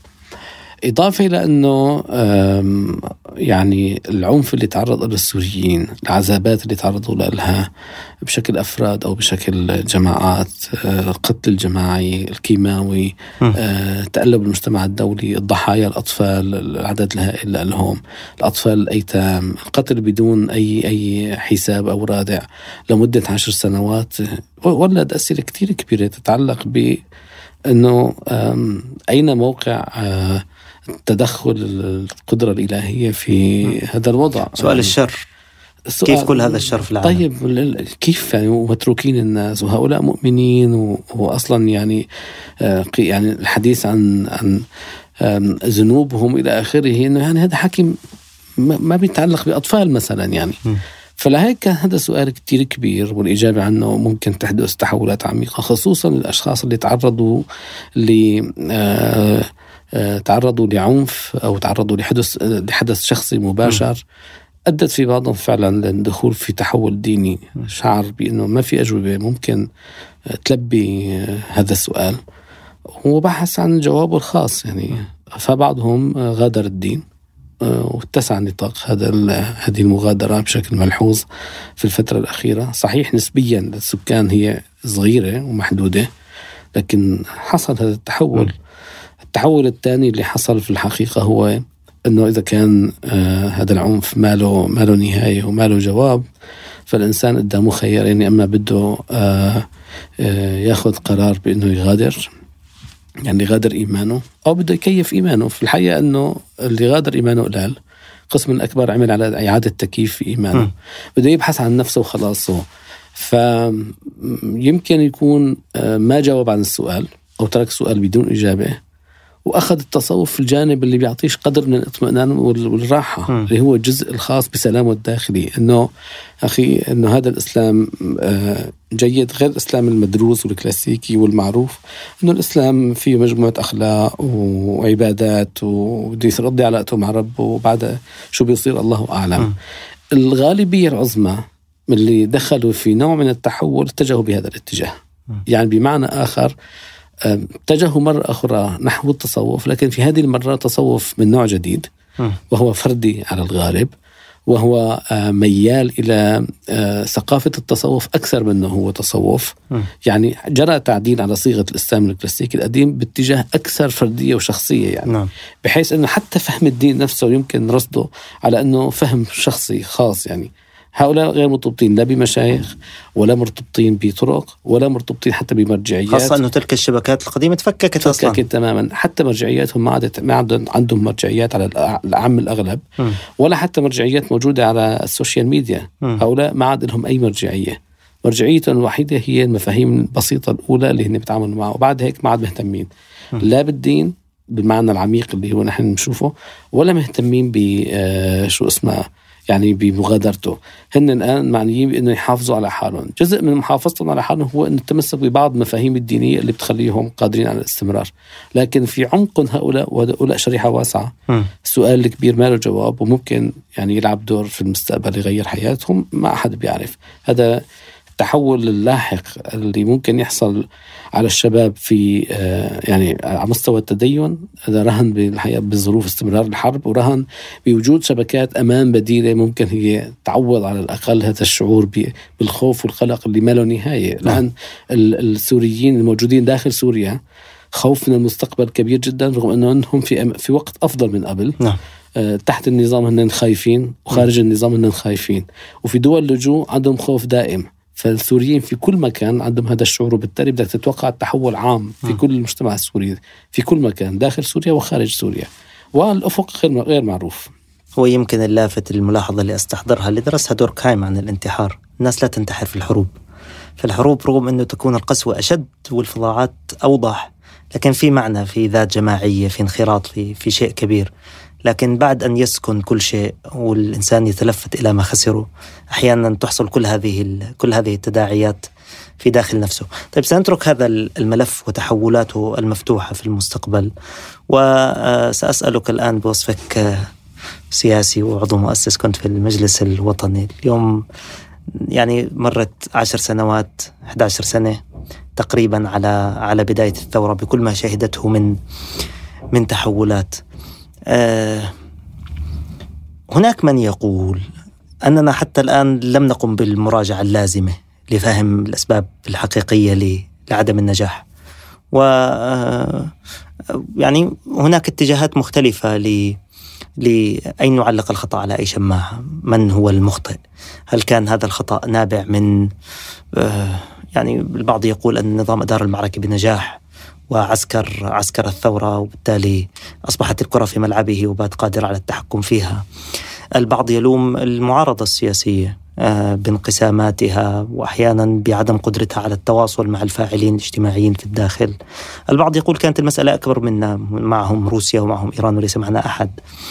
البعض يقول أن من ظننا أنهم أصدقاؤنا أصدقاء سوريا لم آه، لم يكونوا صادقين بل في الحقيقة هم منعوا هذه المعارضة وهذا الجيش الحر ان أن ينتصر في المعركة النهائية لأنهم كانوا خائفين من بديل مجهول ففضلوا هذا النظام الوحشي ولكن معروف بالنسبة لهم الذي يمكن أن يفهم قواعد هذه اللعبة في هذه المنطقة الاستراتيجية الحساسة. لماذا أخفقنا؟ بدي أبدأ من نقطة المراجعات. في سوريا في الحقيقة خلينا نقول بدءا من أحداث الثمانينات لليوم ما حدث وأنه جرت مراجعات يعني في في الخمسين سنة الأخيرة نحن ما عندنا تقاليد مراجعات أبدا م. آه، بالرغم من الكارثة الكبرى اللي حصلت في الثمانينات سحق مدينة آه، تغييب عشرات الآلاف واغتقال وقتل بشكل ممنهج داخل السجن ما جرت مراجعات حقيقية ولا أجريت مكاشفة للمجتمع السوري حول نتائج هذه المراجعات أو حول موقفهم من التداعيات اللي حصلت بشكل نهائي. تم دائما خطاب هو عبارة خطاب نخمة ضد النظام والمجتمع غير مرئي بشكل عام يعني مش معنيين. هن بيجروا مراجعة بينهم بين حالهم وبيخبوا هالمراجعة وبعدين بيتصرفوا على أساسها. أما المجتمع السوري اللي هو ضحية كل هالسياسات سواء كان مع أو ضد مقاومة أو نظام غير غير موجود غائب على حالتين. الأمر نفسه في الحقيقة حصل في في الثورة السورية. آه لليوم نحن بعد عشر سنوات لم تقام عندنا مراجعات حقيقية. في ماذا أخطأنا؟ آه، ما الذي نستطيع أن نفعله؟ آه، كيف آه، يعني كيف يمكن أن نتدارك ما حصل؟ لليوم ما في مراجعات. الأسوأ هو أن أصلا ما في خطط حتى يصير في مراجعات. يعني مثلا لا توجد للمؤسسات السياسية من المجلس الوطني وصولا للائتلاف لليوم لا توجد خطة استراتيجية. طبعا لجنة التفاوض وإلى آخره. كلهم لا يوجد عندهم خطة استراتيجية. أنه أنت خلال فترة معينة يفترض أن تحقق هدف كبير. هذا الهدف كبير في أهداف صغرى تتحقق مرحليا. نعم. ضمن خطط تنفيذية معينة. كل هذا ما حصل. ما في ما في خطة. فما في خطة ما في مراجعة أيضا. وما في محاسبة ما في طرف ثالث يحاسب. لهيك ظلت المراجعة ومحاولة تفسير الإخفاق مرهون بالمثقفين والكتاب والسياسيين السابقين عن بعد آراء فردية. أما بشكل مؤسسي ما حصل أي نوع من المراجعة. لليوم نحن لازلنا بالفعل نبحث في أنه وين الخطأ حصل. لا يوجد لدينا إجابة كاملة. هنالك اتجاهات الآن في تفسير ما يجري آه، تتعلق في بنية النظام في الأغلب. آه، بأنه هذا النظام آه، الأنظمة الشخصية بالعادة بيكون العنصر المؤثر فيها الخارجي أقوى من العنصر الداخلي ولهيك استطاع الصمود لأنه هذه بنيته التبترس الهائل والعزل الانعزال عن المجتمع وتطبيق سياسات استئصالية بتؤدي يعني إلى أنه آه، يصل إلى مرحلة إذا أدى أو إذا كان في استئصال له فيعني استئصال الدولة نعم. بالكامل تماهي بين النظام وبين الدولة؟ طبعا هذا حصل آه، في سوريا. العنصر الداخلي دائما ضعيف لازم يتركب على العنصر الخارجي آه، هنالك اتجاه يرى بأنه إدارة المعركة مثل ما أنت أشرت بأنه في إشكال في إدارة المعركة بأنه ما أخفقت المعارضة في التخطيط وبناء عمل يمكن مواجهة النظام فيه. تنازعت وفي الحقيقة أنه في ثقافة مشتركة بين السياسيين وحتى في الفضاء المدنية أنه عندنا نفس النمط في التفكير ونفس النزاع ونفس الأشياء اللي بتحصل.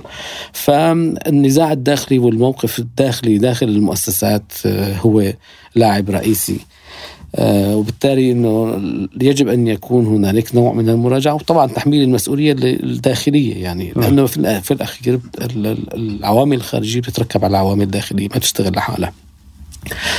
اتجاه ثالث يرى بانه إنه العمل أكبر أو إنه هنالك دول كبرى كانت تتحكم في المسار وإنه الموضوع أكبر من كل الأطراف.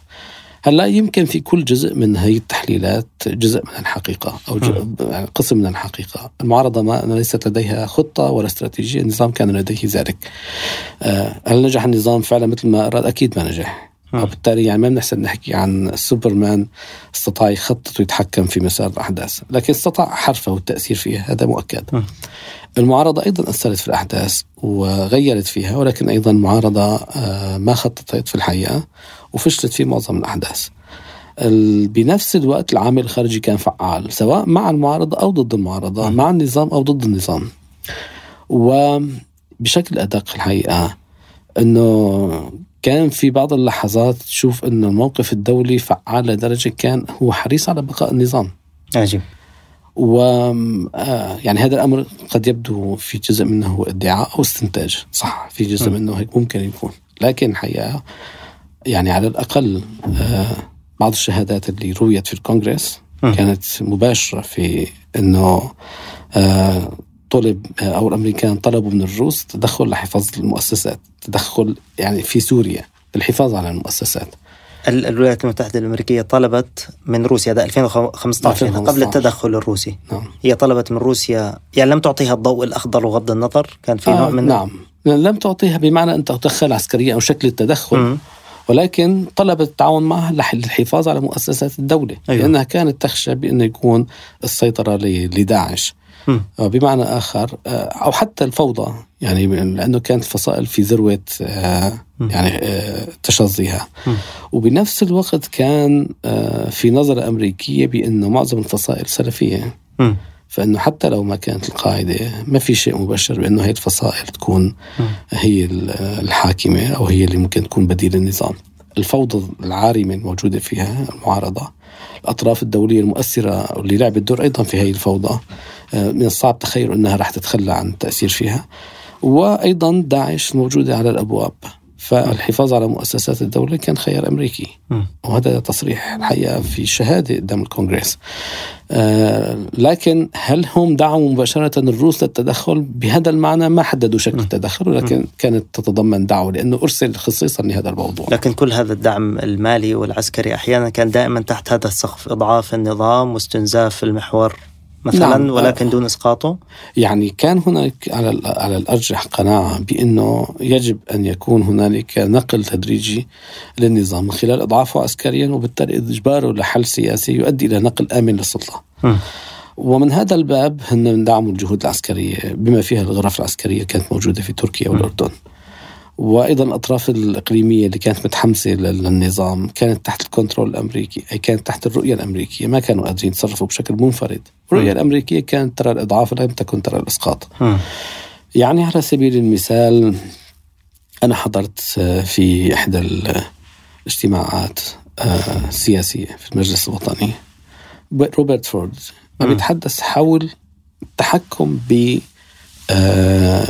بإمداد الفصائل العسكرية بأسلحة في الجنوب وإنه هذا التحكم هذا يعني بيشرح كيف التحكم إنه لما صار في توسع أكثر مما ينبغي قمنا نحن بقطع الإمداد. الإمداد. وتوقفت الأمور عند حد معين. بمعنى آخر كان في تحكم أيضا في مساحة العمل العسكري اللي كان تدعمه دول الخليج ضمن الرؤية ضمن الرؤية الأمريكية واللي تسمح بإضعاف النظام والضغط عليه دون الوصول لإسقاطه. لهيك في تأثير في العامل الخارجي أكيد. آه في تأثير طبعا الدول الداعمة اللي لعبت دور في تمويل المعارضة لكن نفس الوقت لعبت دور في تشظيها كانت تريد أن تدخل من خلال المعارضة للسيطرة على تكون لها قدم. نعم. للمقالات إنه اذا إذا انتصرت المعارضة عسكريا فلازم يكون نحن إنها لنا دور. نعم. في قسم ثالث كان حريص إنه آه، آه، يشتت المعارضة السياسية أيضا بنفس الطريقة يبني له تحالفات داخل المعارضة السياسية. كانت أصعب شوي على عليهم من العسكرية لأنه ما في تمويل بالمعنى المباشر وبالتالي هذا بيحتاج لولاء ويحتاج إلى نوع من التلاعبات السياسية لتؤدي لإنشاء هذا الولاء. فحرصوا على تشتيت المعارضة. السياسية والتاثير فيها وتمت عدة ألاعيب أيضا في محاولة تمزيقها والتأثير في قرارها مثل إنشاء هيئة التفاوض وإسناد الهيئة لعهد الدول العربية آه، إنشاء هذه الهيئة. يعني أن الدولة تحدد من هو المعارض اللي لازم يكون جزء من الهيئة. كان هذا يعني الحقيقة إذا الآن ننظر بمنظور سياسي هذا شيء من المسخرة سيطرة كاملة هذا م. على المعارضة. لتحدد أنت مين هو المعارض مين هو المعارض مين هو ممكن يكون جزء من المؤسسة اللي بتمثل سوري مين هو ما بيكون. هذا المفروض يكون قرار سوري. م. لكن الحقيقة أن اللي صار انه نتيجة التجاذبات الدولية والمصالح وتقاطع الدول مصالح الدول تم إقرار هذا الجانب. المشكلة أن المعارضة هي نفسها كان لازم تقرر انها ما تقبل يعني. استقلال لكن صار في قرار السياسي دولي. والعسكري آه. نعم. صار في قرار دولي لكن القرار الدولي كان لطيف لأنه ممكن تأويله بعده تاويلات م. إنما اللي حصل هو إسناد كامل أو فعلي يعني. لا أو أو تم أخذه بشكل كامل لاخر لنهايته. لهيك أنا بدي أقول إنه للأسف لليوم لا توجد مراجعة واحدة. آه، اولا المؤسسات لم تراجع وثانيا المراجعات المتوفره لا تقدم جوابا واضحا. ولا يزال الحقيقة السؤال مطروح يعني مفتوح. ومن الصعب جدا الإجابة عليه في ظل استمرار الحرب لأنه مثل أي حدث تاريخي لما تكون أنت جزء منه آه، أو تكون كثير قريب منه ما تستطيع أن ترى كامل المشهد. بعد ذلك سيتبين أشياء كثير كثيرة يعني أو كثيرة يمكن يعني في اللحظة القريبة ما تستطيع رؤيتها. طيب اليوم نحن في هذه المنطقة المنكوبة يعني من العراق إلى إلى مصر يمكن وما بعدها غربا وربما شرقا وأماكن أخرى. نشترك في في حالة بنيوية واحدة تحالف قوى استبداد داخلي وأيضا طائفية ودور خارجي ويهيمن ويضبط إيقاع هذه اللعبة هل يمكن لهذه المنطقة أيضا بحكم خرابها المشترك أن أن يكون لها حل مشترك؟ يعني يعني اليوم السوريين لم تعد معركتهم فقط مع الأسد هي معركة تتعلق أيضا بهذه المنظومة الممتدة في العراق وأيضا التي تحالفاتها إن إحنا كنا انتبهنا في الفترة الماضية إلا إنه آه، تحالف قوى الثورة المضادة أي الاستبداد. أصبح أيضا متحالف مع مع إسرائيل اللي هي يعني رأس الحرب في مشروع الهيمنة أو الإمبريالية أو سميه ما شئت.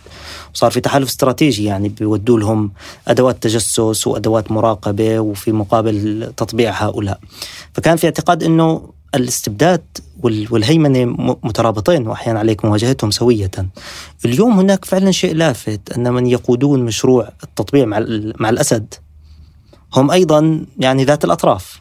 يعني آه، في حين أن الرواية آه، فلنقل اليسارية عن الحدث كانت تقول لا هذا الأسد يعني آه، هناك استثمار للمعارضة السورية لإضعاف محور مثلا مقاوم. بينما أولويتنا مثلا مواجهة إسرائيل. آه، فبدأ وكأنه المواجهة مع المشروع الإيراني في المنطقة هو هو انحراف يعني عن آه، عن المواجهة المستحقة مع الأمريكا والإسرائيليين رغم أنه أدركنا منذ العراق أن هناك تواطؤ أمريكي إيراني إلى الموصل التي يعني كان التحالف الدولي يدكها من السماء والميليشيات الشيعية على الأرض يعني. وشهدنا هذا أيضا أيضا في سوريا. هل يعني هذا أنه يعني هناك هناك وحدة ما على على مستوى المعركة أم أنه يبقى لكل منطقة آه، خصوصياتها وتعقيدها ويعني وإيقاع حركتها الخاص؟ يعني ببساطة خلينا نقول إنه اولا انطلاق الربيع العربي كشف آه، ترابط عميق بين الدول العربية. هي نقطة أولى. بمعنى إنه لولا آه، ما حصل في تونس ما كان حيحصل في الدول التالية. أو لولا ما حصل في مصر مثلا ما كان ممكن يحصل لي في سوريا. هذا التداعي يعني إنه في رابط. رابط. بين الشعوب يعني لأنه اللي حصل هو حركة شعوب ما حصلت حركة أشخاص ولا حركة نخبة. النقطة الثانية هو كذلك أثبتت أثبتت الفترة الماضية بأنه آه آه، بأنه في في مشترك عميق بين هي الدول كلها أيضا والنخبة الموجودة. وهذا المشترك العميق آه، ربما أعاق تقدم الثورة غير أشكال آه، بعض الدول اللي انتصرت فيها الثورة. وهذا هذا المشترك يتكرر ويتمظهر بأطراف عدة. لكن في النهاية هذا يعني يتم دائما محاولة حرف الأنظار عنه أو أو تفسيره. اللي هو نحن نتحدث فيه حول حول الثورة المضادة ومحاورها. دائما بيتم حرفه من جهة استخدام القضية الفلسطينية هي القضية الأولى نعم. رغم أنه هذا المحور نفسه هو اللي يشتغل آه، ضده. آه، بيتم الحديث عن أنه القضايا محلية وهذا صحيح إلى حد كبير. آه، وبيتم الحديث أيضا عن مسألة الإرهاب وإنه النتائج الفعلية مجتمعاتنا ما بتحسن تتحمل. التحيبات الديمقراطية وتنتهي للإرهاب آه. يعني الصيغ الجديدة المقدمة بالديمقراطية الغربية غير ملائمة. طبعا تتم من خلال مثقفين ومن خلال أجهزة فرعية وإلى آخره. الشيء اللي اللي لازم يعني آه يعني نتعامل معه وهذا هو الطبيعي بأنه في مشترك وفي شيء فردي مثل أي حالة أخرى يعني. م. الشيء المشترك يجب أنه نفهمه أنه مصير مشترك. وحتى هنالك شيء مشترك إقليمي ربما مختلف شوي عن العربي ككل. يعني الإقليمي لما نتحدث نحن عن دول ثلاثة لبنان وسوريا والعراق. مختلف عن اللي حصل في الجزائر وفي السودان وفي آه في وين كان بيناتنا المشترك نفسه. لأنه آه يعني الطريف والملاحظ والمهم أيضا أن نشوف نحن الشعارات اللي ترددت في الثورة السورية والمصرية والتونسية تكررت في كل. الثورات الأخرى مرة أخرى يعني حتى في لبنان وحتى في العراق. فإنه في عندنا خصوصية في المنطقة أو لنقل يعني طابع خاص للمنطقة بالصراع أيضا أو عناصر جديدة هي العنصر الإيراني اللي هو ما هو موجود في المناطق الأخرى. الشيء الثالث هو فعلا خصوصية كل بلد في حاله. يعني التركيبة الطائفية في لبنان تعطي خصوصية مختلفة. منطق الهيمنة اللي هو موجود في لبنان مش نفسه الموجود في سوريا ولا هو الموجود في العراق. ربما أقرب للعراق حتى من سوريا. فأكيد في في شكل من أشكال خصوصية لأنه التعميم في كل الأحوال صعب يعني وغير صحيح. السؤال هو الأصعب وهل هل التحرير آه، يعني اللي هو الان بيواجه الموضوع المركزي لنقل اللي سائد في المنطقة العربية هل هل هو هل فلسطين أولوية؟ إذا حلت تحل كل المشاكل أم الآن آه الدول أو الحل المحلي هو أساس للحل الإقليمي والمناطقي. يمكن صار في سؤال ثالث هلأ إنه هل التخلص من الإيرانيين هو حل مشكلة المنطقة ولا هو الإسرائيليين؟ لأن الحقيقة بيلعبوا دور اسوء من بعض. واللي ظهر حتى إنه الإيرانيين لعبوا دور اسوء من الإسرائيليين للأسف. آه، يعني الضحايا خلال عشر سنوات آه، للإيرانيين عم نحكي عن مئات الآلاف. مقارنة بالضحايا الثانيين يعني وهذا لا يقلل طبعا من من وحشية وإجرام الإسرائيليين بحق الفلسطينيين. بس بشكل عام نحن أمام الحقيقة دولتين عم بيلعبوا تأثير في المنطقة العربية هن جزء من أسباب الثورات حتى. يعني وكانوا جزء أيضا حاضر بشكل دائم في الثورات العربية. بس هل الثورة هل الثورات العربية الآن تستطيع انه تعمل شيء مشترك بيناتها وتطور أدواتها؟ يعني هذا وارد وممكن بس هذا يحتاج ربما لنخبة لتقوده. آه نخبة متولدة من الثورة نفسها. جميع الثورات العربية بالمناسبة صحيح هي شعبية بس اللي آه اللي اللي نشط في مراحل الأولى كلهم نشطاء سابقين يعني نعم. بمعنى النخبة ناشطة سابقة لعبت دور رئيسي فيها حصل هذا في كل البلدان والآن أيضا إذا كان هنالك إمكانية للعب هذا الدور على المستوى المنطقة العربية أكيد كتير مهم أنه يحصل هذا النوع آه، من النشاط.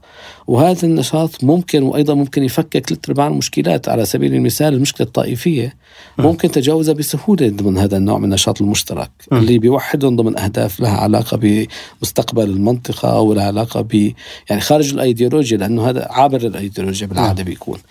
يعني الحقيقة فكرة واعدة لكن ما في أي مؤشرات بهذا الاتجاه. لا يزال الجميع يؤمن بأنه الحلول هي حلول محلية وفردية. واصلا يعني الآمال بالحلول نفسها يعني تراجعت كثير. تراجعت. طيب اليوم النظام أعلن انتصاره لكن الثورة لم تعلن هزيمتها. آه ما المؤشرات التي لدينا في سوريا؟ لن يستتب الأمر لهذا النظام وحلفائه لكن أيضا الثورة ليست في أفضل حالاتها. ما الذي تستشرفه للمستقبل القريب في سوريا؟ النظام أعلن انتصاره عشرات المرات. في كل سنة كان يعلن انتصاره. ولما وصل حتى إلى 70% خارج سيطرته كان يتحدث عن انتصار وشيك أو عن انتصاره لعبة الانتصار أو الادعاء الانتصار هي لعبة سياسية. في الواقع النظام يسيطر على 63% من الأراضي السورية. م. يعني لو بقي 5% تصبح كلمة الانتصار كذوبة فكيف إذا كان عنده حوالي 37% خارج سيطرته؟ فالادعاء كاذب هذا مفهوم ومعروف آه إنما الآن الأهم هو إنه أمام هذا الادعاء اللي هو عاجز إنه يصرفه فعليا لو كان انتصر كان قادر يغير معادلات. غير قادر الآن على صرفه آه نص المجتمع السوري خارج سوريا ما حدا راجل عنده. موجود لاجئين على دول الجوار في دول الجوار حوالي خمسة أو ستة مليون. آه موجود نازحين داخل سوريا حوالي أربعة ونصف مليون أو ستة مليون. فكل هذا خارج سيطرته الأراضي خارج سيطرته. الآن هو شو ممكن نتوقع ضمن الوضع الحالي يعني. الوضع الحالي في آه، ثلاث مناطق في سوريا خارج سيطرة النظام منطقة تحت سيطرة الأمريكان وأخرى تحت سيطرة آه، آه، جيراننا الأتراك وثالثة تحت سيطرة النظام مع شركائه. وفي مثل يعني بسوريا اللي له شريك له معلم. يعني إنه هو مو مسيطر لوحده. نعم. في ناس مسيطرين معه فهو ما عنده قرار لوحده. كلهم عندهم قرار في المنطقة وهذا بقى كيف بينصرف هذا القرار حسب حسب الأوضاع وحسب القضية. فالآن هذه الأوضاع مستقرة إلى حد كبير. لا يستطيع النظام التقدم باتجاه مناطق الشرقية. ولا يستطيع بسبب الاتفاقات وأيضا الترسانه العسكرية التركية وبسبب إنها قضية أمن قومي لا يستطيع التقدم إلى المناطق المسيطرة عليها الأتراك. في المدى المنظور لا توجد أي حلول لا توجد أي تغييرات لا يملك النظام تقدم ولا يستطيع أيضا يعني بمفرده. هلأ السؤال الأكبر هو إنه طيب يعني هذا الوضع راح يستمر لكن في النهاية لابد له حل. طيب حتى ينحل هذا الوضع بيحتاج لأنه جميع الأطراف الدولية اللي لها موطئ قدم على الأرض والمؤثرة في الملف السوري يعني الأمريكان والأتراك والروس والإيرانيين انه يكون عندهم قدرة على الوصول على اتفاق مشترك، مصالح مشتركة، توفر للجميع الحد الأدنى من المصالح أو جزء الأكبر من المصالح اللي هن بيسعوا لها. هذا لا يبدو إنه في الأفق المنظور موجود لأنه متناقض. اثنين طبعا السوريين سواء كانوا النظام أو كان المعارضة هن في ذيل قائمة هذا النوع من الاتفاق. م. يعني لابد أنه يركب هذا الاتفاق على آه، موافقة سورية سواء كان من طرف المعارضة أو طرف النظام. وهذه الموافقة السورية يجب أن تحقق للطرفين بعض المصالح، ما راح أقول كل المصالح لأنه صعب جدا في ظل هيك نوع من الاتفاقات. لا توجد أي بوادر بهذا بهذا بهذا الاتجاه آه، لأنه الخاسر المباشر في هذا الاتفاق. هذا النوع إذا حصل هيك اتفاق الخاسر المباشر والأول اللي هو سبب كل المشكلة هو الرئيس. م. يعني رئيس النظام؟ فراح يكون هو ضحيه أي نوع من الاتفاقات اللي هو نقطة الضعف في المسألة كلها. فإذا ما حصل تغير في النظام ولو جزئي ولو شكلي ما حيحصل أي نوع من الاتفاق لأنه هذا ثمن اتفاق ولو كان هذا الاتفاق مو لصالح السوريين حتى. نعم. فما آه، في نضج ما في ما في نضج أقصد للأجواء هذا النوع الاتفاق بين الدول. ولا يوجد أي بوادر استعداد حتى للأطراف للدخول في نوع من المفاوضات حول هذا الموضوع. الواضح إنه وهذا يعني امتداد مدى الحرب؟ الاعتماد نعم امتدادها وأيضا آه، النظام بالعاده باوضاع مثل هي بيعتمد على تفسخ آه، الأطراف الفاعلين وعلاقاتهم خلال الزمن. مع الزمن تبدأ آه، آه، تبدأ تضعف رغبتهم بالاستمرار تظهر مشاكل فبراهن على زمن ممكن م. تحصل هي هذا الزمان. مثل ما هو راهن فعلا على تفكك التحالف آه، بين الأطراف ضده سواء كان في المع... مع المعارضة أو أو خارج المعارضة. ضد النظام هو مع الزمن تفككت مع تغير الظروف الإقليمية. يعتقد أو العالمية بعتقد أن النظام حيستمر في لعبة الزمن ويحاول قدر الإمكان البقاء على ما هو عليه حتى الله يفرجه حتى تروح في الأفق فرصة. هلأ الآن في هذا الوقت يحاول الاستفادة من توجهات الأردنية الجديدة بأنه آه، ما في فرصة للحل وبالتالي خلينا نحاول نجرب معه خطوة خطوة. وهو مستعد للكلام آه، في خطوة خطوة بس فعليا هو بياخذ اللي الفائدة منها وبيحاول ما يمشي فيها. لهيك ما حدا مصدق هذه الفكرة اللي الآن يستميت الأردنيين في ترويجها وما حدا مستجيب لها يعني في الواقع. ففي الأفق إذا استمرت الأوضاع على ما هي عليه الآن واستمر الاستقرار أو يعني توقف العمليات العسكرية آه، في كل المناطق كما هو حاضر.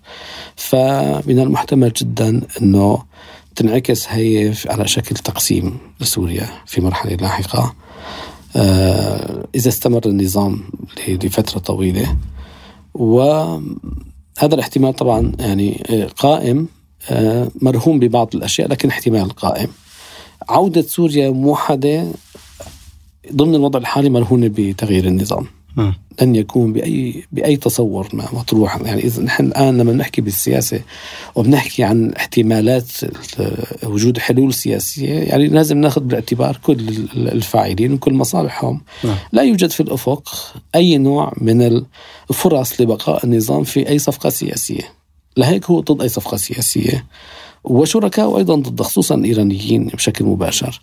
فما في أفق ومرهون الأمر للمستقبل بأنه إما نبقى آه، يعني سوريا موحدة مع بقاء مع زوال النظام أو سوريا مقسمة مع بقاء النظام. على قولة الحلبية الله يطفيها بنوره. دكتور عبد الرحمن الحاج شكرا جزيلا على هذه المقابلة. شكرا لك أشكرك مع السلامة.